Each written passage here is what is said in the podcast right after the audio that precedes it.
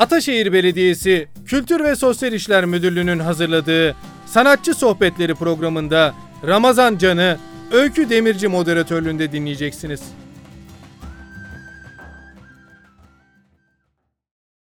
Merhaba, Ataşehir El Kültür Ev sahipliğinde gerçekleşen sanatçı sohbetlerinin bu sezonki son sohbetine hoş geldiniz. Ben Öykü Demirci. Bugün konuğum sanatçı ve akademisyen Ramazan Can. Hoş geldin Ramazan. Hoş bulduk. Bugün Ramazan'la her zamanki gibi sanat üretiminde odaklandığı konu ve kavramlar hakkında konuşacağız. Ama bundan önce aslında bu kavramların kendi kişisel hayatındaki kökenleri hakkında konuşmak istiyorum. Ramazan nerede duydun, doğdun, nerede büyüdün, nasıl bir kültür içinde yaşadın? Ya, ben e, Manisa'nın Demirci ilçesine bağlı bir köyde doğdum. Taşokçular Köyü ismini de söyleyeyim. Ya, bir zamanlar göçebe olarak yaşayıp sonradan yerleşik hayata geçmiş yani onu tercih etmiş ya da buna zorlanmış insanların yaşadığı bölgede doğup büyüdüm. Karakeçili yörükleri. Ya bu işte yörüğün yerleşmişine manav diyorlar. Biz öyle biliyorduk. Yani öyle büyüdük. Ya e, işte göçebe kültürden midir? Geleneklerin birçoğu korunmuş. Yani e, ya daha e, yani bu kaba mı olur bilmiyorum. Daha ilkel bir yani e, kültür diyebilirim. Yani bir şehir hayatına göre e, tabii bu ilkellikten kastım hani e, şey değil, bir öteleme gibi değil de daha saf halini ifade edebilmek için bu kelimeyi kullandım. Öyle bir kültürde doğup büyüdüm. Seninle gerçekleştirdiğimiz bir başka röportajda çocukken gerçe- e, geçirdiğin bazı rahatsızlıklara çözüm arayışında seni sağaltıcılara götürdüklerini söylemiştin. Evet. Ee, peki bir çocuk olarak orada yaşadığın deneyimler seni nasıl etkiledi? Nelerle karşılaştın? Ya işte, evet işte bir yani 5 6 işte 5 yaşından 8 9 yaşıma kadar öyle sıkıntılı bir süreç. Yani aslında e, uyur gezerlik bahsettiğimiz şey. Çok hani abartılı bir şey değil ama ya o zaman şimdi birkaç böyle doktora götürüldüm. Sonra e, rahmetli dedem dedi ya o çocuğun işi doktorluk değil ocaklık. Ya bu Anadolu'da bir ocak kültürü vardır ya işte bazı geleneksel tedavi yöntemlerini kullanan el almış kişiler falan. Sonra beni öyle birkaç kişiye götürdüler. Yani işte oradaki ritüel yani çok basit ritüeller ama bir çocuk için çok ürkütücü ritüeller. Yani ortada bir kat, kazan işte büyük bir kazanın içinde bir şey kaynıyor filan. E, o sağaltıcı geliyor bir şeyler hani okuyor mırıldanıyor mani mi söylüyor yoksa bir dua mı okuyor hani bu, onu tam o yaşta hani anlayabilmiş değilim ama sonra yaptığı eylemler mesela kazanın üstüne ellerini sürüyor eli simsiyah oluyor tabii altta ateşin çıkardığı isten onu yüzüne sürüyor filan ya bu bir çocuk için çok ürkütücü bir şey yani. Zaten bu mez işte mezun olduktan sonra gazi eğitimde mezun olduktan sonra yani şamanizme giriş kapım bu benim. Yani bu gelenekleri, bu ritüelleri araştırarak yani şu anki üretimimin işte kaynağını keşfetmiş oldum aslında. Lisans eğitimini Gazi Üniversitesi Eğitim Fakültesi Güzel Sanatlar Eğitim bölümünde evet. aldın, tamamladın. Yani resim iş öğretmenliği. Hı hı. Peki Ankara'ya gelerek e, Güzel Sanatlar okumaya nasıl karar verdin? Ya işte o çok biraz ilginç şöyle.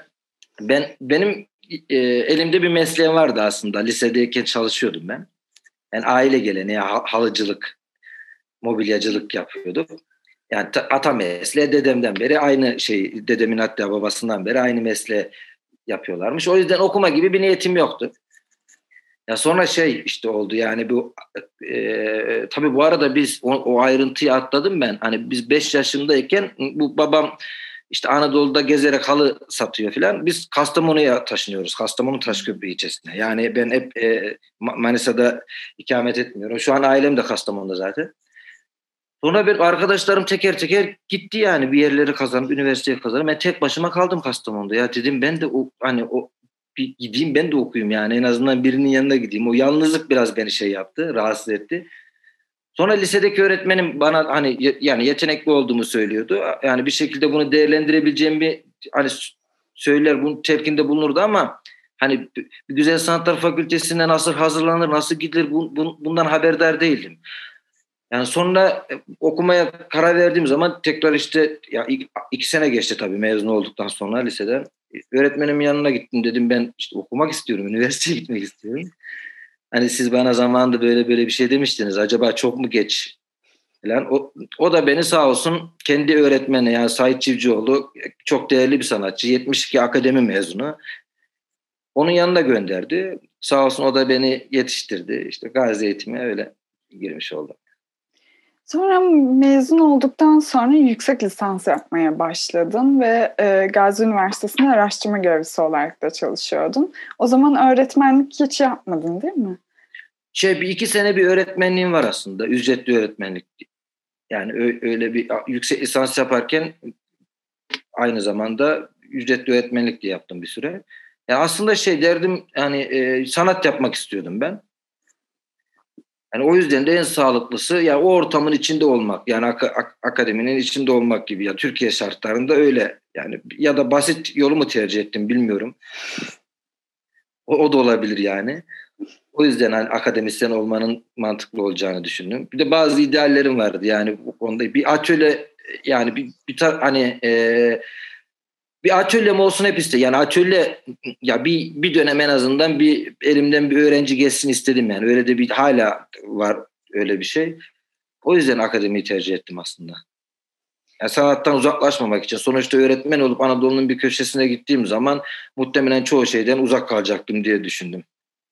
Yazık ki öyle her şey bu taraflarda oluyor.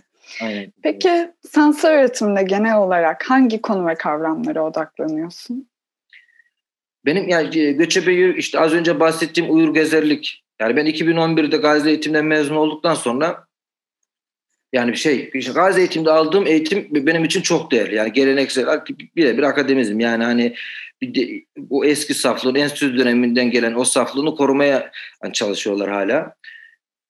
Ben mezun olduktan sonra oradaki o sanatın yani biz okulda sadece sanatın kendi sorunlarıyla yani resimse resim yani bunun başka bir şey ifade etmesine gerek yok. Sağlam resim yaptıktan sonra hani bunun çok bir şey anlatmasına gerek yok. Bu, bu bize böyle bir şey verilmedi ama hani mezun olduktan sonra ya bir çevreme baktım sergiler geziyorum falan ya bir şeyler hani anlatılması gerekiyor. Ben öyle düşündüm ya da kendi kendime dedim ya ben bir şeyler anlatmalıyım. Ya bu da e, yine en basit yolu kendimi anlatmak. Yani aslında çok uç noktalara yani burada işte Ankara'da yaşayan biri gidip hani ne bileyim Amerikan yerlerini anlatacak hali yok yani hani görmediğim bir şeye sen manyak mısın derler adama. Ve kendimle ilgili böyle bir arayışına girdim. O da az önce bahsettiğim uyur gezerlik. O o kapıdan girdim aslında. Ocak kültürlerini, Anadolu gelenekleri yani o yörük göçebe yörük geleneklerini araştırmaya başladım. Ya bu ritüeller nereden geliyor? Yani neden böyle bir şey var falan. O, do, dolayısıyla şamanizmle tanışmış oldum. İşte bununla ilgili okumalar yaptım falan. O dönemde ya bu kadar fazla okuma yaptıysam işte bir de tez yazayım dedim. Konuyla ilgili bir de teze işte başlamıştım o zaman. Hani benim için iyi oldu. Yani aslında şu anki üretimim de aynı. Hep aynı şeyin etrafında dolanıyorum. Yani göçebe yörük kültürü ve şamanizm yani. Bunun dışında yaptığım hani birkaç serilik iş var. Devam ettiğim seri var ama ana planda bu yani. Bunun dışında başka bir şey yok gibi bir şey.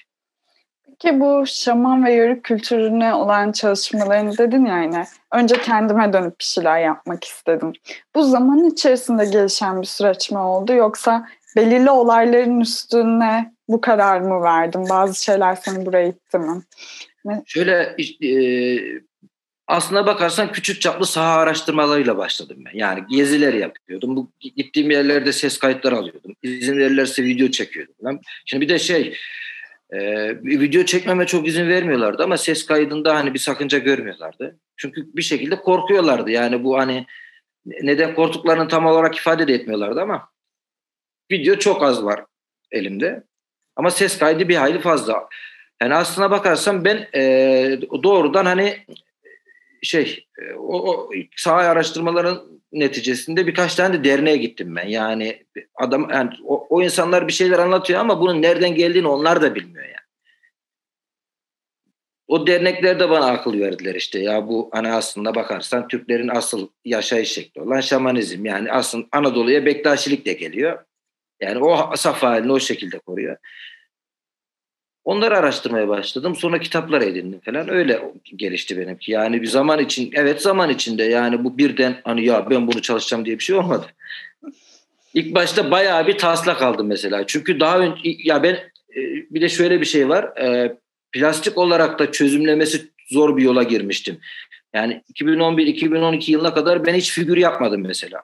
Yani lisans eğitim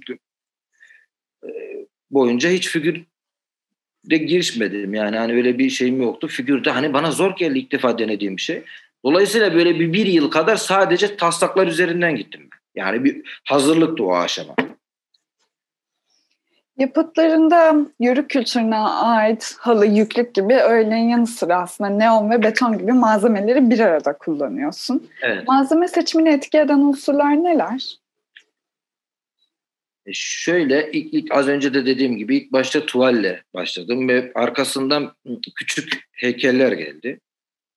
Daha sonra yani şimdi okumalar yapıyorsun ve bir şeyler anlatmaya çalışıyorsun. Bu anlatma e, kaygısı bende biraz şey oldu. Ya belki o dönem abarttım onu da bilmiyorum yani. Yani şey bir bir şey yani bir sanat nesnesi ortaya çıkartmaktansa bunun büyük bir şey ya o zaman çok büyük bir kutsallık atfediyordum. Büyük bir şey anlatmasını istiyordum. Dolayısıyla yüzeyde ya da üç boyutta işte o e, figür heykelcinde hani çözümleyemediğim ya da ifade edemediğim şeyleri başka malzemelerle ifade etmeye başladım. Dolayısıyla bu malzeme hani bir süre sonra plastik sanatların hemen her disiplininde işte üretmeye başladığımı fark ettim aslında. Yani o bir şeyler ifade etmeye ya da anlatma kaygısından oluştu. İyi mi oldu, kötü mü oldu bilmiyorum. Bazen kötü eleştiriler alıyorum, bazen iyi yapıcı eleştiriler alıyorum. Ama bu artık bunlar da çok önemsememen gere önemsememen gerektiğini anladım. Yani ve kendi yolumda gidiyorum işte yani.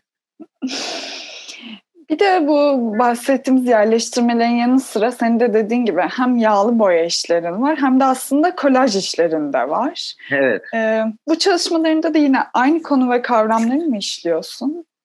Evet konu hiç değişmiyor. Yani e, o kolajlar ya da o küçük çalışmalar aslında o az önce bahsettiğim bir öne hazırlıklar diye. Ben hemen hemen bütün işlerime başlamadan önce bir öne hazırlık yapıyorum. Yani bu yerleştirme de o, olsa aynı. Yani tuval işi de olsa aynı. İlk başta bir küçük bir yüzeyde yani kağıtta çözümlemeye çalışıyorum. O kolajlar ya da küçük işler o mantıkta aslında başlamış oldu. Yani o ilk kolajları mesela tuvallerimden önce yapmaya başladım. Çünkü rengi o küçük yapıştırmalarla çözümlemedi. Az önce dedim yani figür resmine yabancıydım ve bunun için de bir ön hazırlık gerekli. O kolajların doğuşu da aslında öyle oldu yani. Peki biraz üretim sürecinden bahsedebilir misin? Aslında büyük ölçüde bahsettin. Fikir ortaya nasıl çıkıyor? Ardından malzemeye nasıl karar veriyorsun? Veya tüm süreci tek başına mı ilerletiyorsun? Çünkü hani mobilyalar yapıyorsun, beton kullanıyorsun, halılar var, neon var. Ya ben olabildi ya süreçten çok fazla zevk aldığım için bunu paylaşmak istemiyorum. Zorunlu olduğum bazı durumlar var ama ne onu yapamıyorum. Yapmaya çalışıyorum şu an öğrenmeye çalışıyorum. Belki bir, bir süre sonra onu da kendim yapacağım ama yani olabildiğince kendim çözümlemeye ya da yapmaya çalışıyorum. Ama bazı durumlarda tabii işte e, kardeşim benim marangoz ondan hani yardım alıyorum çoğu zaman. Ne onu Ercan Ustam var sağ olsun o yardımcı oluyor. Yani onun dışında şöyle işliyor benim. Bir okuma bir düzenli olarak yaptığım okumalar var. O okumalar esnasında bazı notlar alıyorum. İşte ya bunu kullanabilirim. Bu yani bu hani e, benim mantık çerçeveme uyuyor falan. O notları işte eskizlerle daha sonra destekleyip hani asıl projenin şeyini işte ön hazırlığını çıkarmış oluyorum. Ve bu hani şöyle bir şey yani hemen bir, bir şey ortaya çıktı. Yani eskizde tamam ben bir şey buldum bunu hemen projeye çevireyim diye bir şey yok. Yani o düzenli olarak gidiyor. Mesela şu an uğraştığım tuval işinin taslağını 2015 yılında atmışım. Yani bazen öyle şeyler de oluyor. Mesela defterlerim önüme diziyorum. İşte ya ne yapmışım arada atladım olmuş mu falan. Sonra bakıyorum ya böyle bir şey yapmışım bunu niye büyütmemişim gibi durumlar söz konusu oluyor. Ona geri dönüyorum falan. O da süreci daha eğlenceli hale getiriyor benim için. Yani geçmiş yani gibi geçmişe gidiyorum sonra geri geliyorum. Aslında konum da geçmişle alakalı. Yani göçebe yörük kültürü ve şamanizm. Yani bu üretim biçimime de hani bir şekilde yansıdı. 2015'e geri gidiyorum defterimdeki 2015 tarihli işte. Sonra onu 2021'de üretmeye başlıyorum falan. Aslında konu bazlı da bin yıl öncesine gidip işte bin yıl sonrasına geliyorum falan. Bu bayağı hani benim üretimimin parçası oldu diyebilirim yani. Son olarak şu an Anna Loder Galeri'de açılacak olan sergin üzerine çalıştığını biliyorum. Biraz bu sergiden bahsedebilir misin? Şey, bu sergi 2018'de açtım. Evvel zaman isimli serginin devamı niteliğinde aslında. Yine işleyiş aynı. Ben bir, belli bir kronolojiye uyarak bir sunum hazırlamıştım. Onun e, neredeyse birebir aynısı diyebilirim. Yani yine bir, bir tarafta göçebe yörük kültürü ve şamanizmle yani şey göçebe yörük kültürünü yani daha güncel bir sıkıntı olduğu için plastik olarak ben bu beton ve neonlarla ifade etmeye çalışıyorum. Aslında bakarsan bundan da biraz bahsetmek isterim ve ilk başta şamanizmle hani başladığımı söylemiştim ya. Yani niyetim de şuydu aslında. Hani şamanizmi işte var olduğu topraklardan ele alıp işte göçler yoluyla işte Bektaşi, Alevi Bektaşi kültürüyle Anadolu'ya getirip işte günümüze getirmek. Yani beton işleri ve neonlar aslında daha böyle hani günümüze ait sıkıntıları doğrudan ifade ediyor. Ama yüzey işlerim ve işte o küçük işler yine günümüzle alakalı. Fakat geçmişten beslenerek yani e, buna ben hani biraz şey diyorum yani şamanist bir pencereden bakma gibi yani işte güncel sorunları daha ilkel bir pencereden çözümünü aramak gibi bir şey. Yani aslında benim gittiğim sağaltıcıların bana yapmak istediği ya da yapmaya çalıştığı şeyi ben bu yoldan yapmaya çalışıyorum. Ama bu doğru mu, başarılı mı oluyorum? Yani bu çok hani tartış üstünde tartışılabilir ya da sorgulanabilir ama benim yapmak istediğim bu yani. Başarıya ulaşıp ulaşmadığımı da bilmiyorum. Ortaya bir şeyler çıkıyor ama bu benim için önemli değil. Az önce de dedim ben süreçten çok fazla zevk alıyorum ve bunu da hani çok zorunda olmadı. Yani o, yani zorlanmadığım sürece de başkasıyla paylaşmak istemiyorum. Anadolu işte bu son sergim de yine ev ve zaman işinin bir devamı niteliğinde olacak. Dediğim gibi iki kısımdan oluşacak. Ee, biri bu daha güncel sıkıntılar, yörüklerle ilgili güncel sıkıntılar. İki, şamanizm ve şamanizmin işte güncel sıkıntı, yani şu anki toplumun sıkıntılarının işte çözümü ne odaklanan işte ilkel e, metotlar içeriyor. Tabii bunun bir kısmı da benim kendi kişisel kimliğimle alakalı. Daha önce hiç yapmadığım bir şey bu sergide hani kendimle ilgili doğrudan yani aslında her şey hepsi kendimle ilgili de mesela otoportre çok fazla. Yani bir süredir şey yapıyorum yani onu ilk defa sunmak istedim. Ya belirli hani e, ruh halimiz sürekli hani de, değişiyor ya. Ben bunu otoportreme yansıtmak istedim ve bir seri böyle bir otoportre yaptım ve bu üç tane de büyük boydan portre var. Bunlar da yine aynı kısımda sunmayı planlıyorum. Umarım hani 6 Mayıs'taydı erteledik. Bu son kısıtlamalardan dolayı Eylül'de açmayı planlıyoruz. Umarım iyi olur. Eylül'e bu pandemi ne olur? Umarım sergi çok keyifle geçer. Pandemisiz zamanlarda hep birlikte gezeriz sergiyi. Görürüz. Evet. Ramazan bu konuşma için çok teşekkür ederim. Çok keyifliydi, çok içtendi.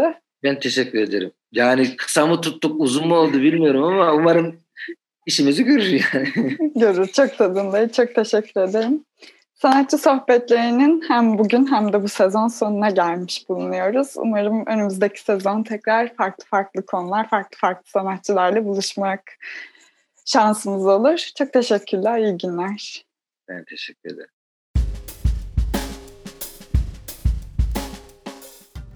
Sanatçı Sohbetleri programında Ramazan Can'ı Öykü Demirci moderatörlüğünde dinlediniz. Sevgiyle kalın.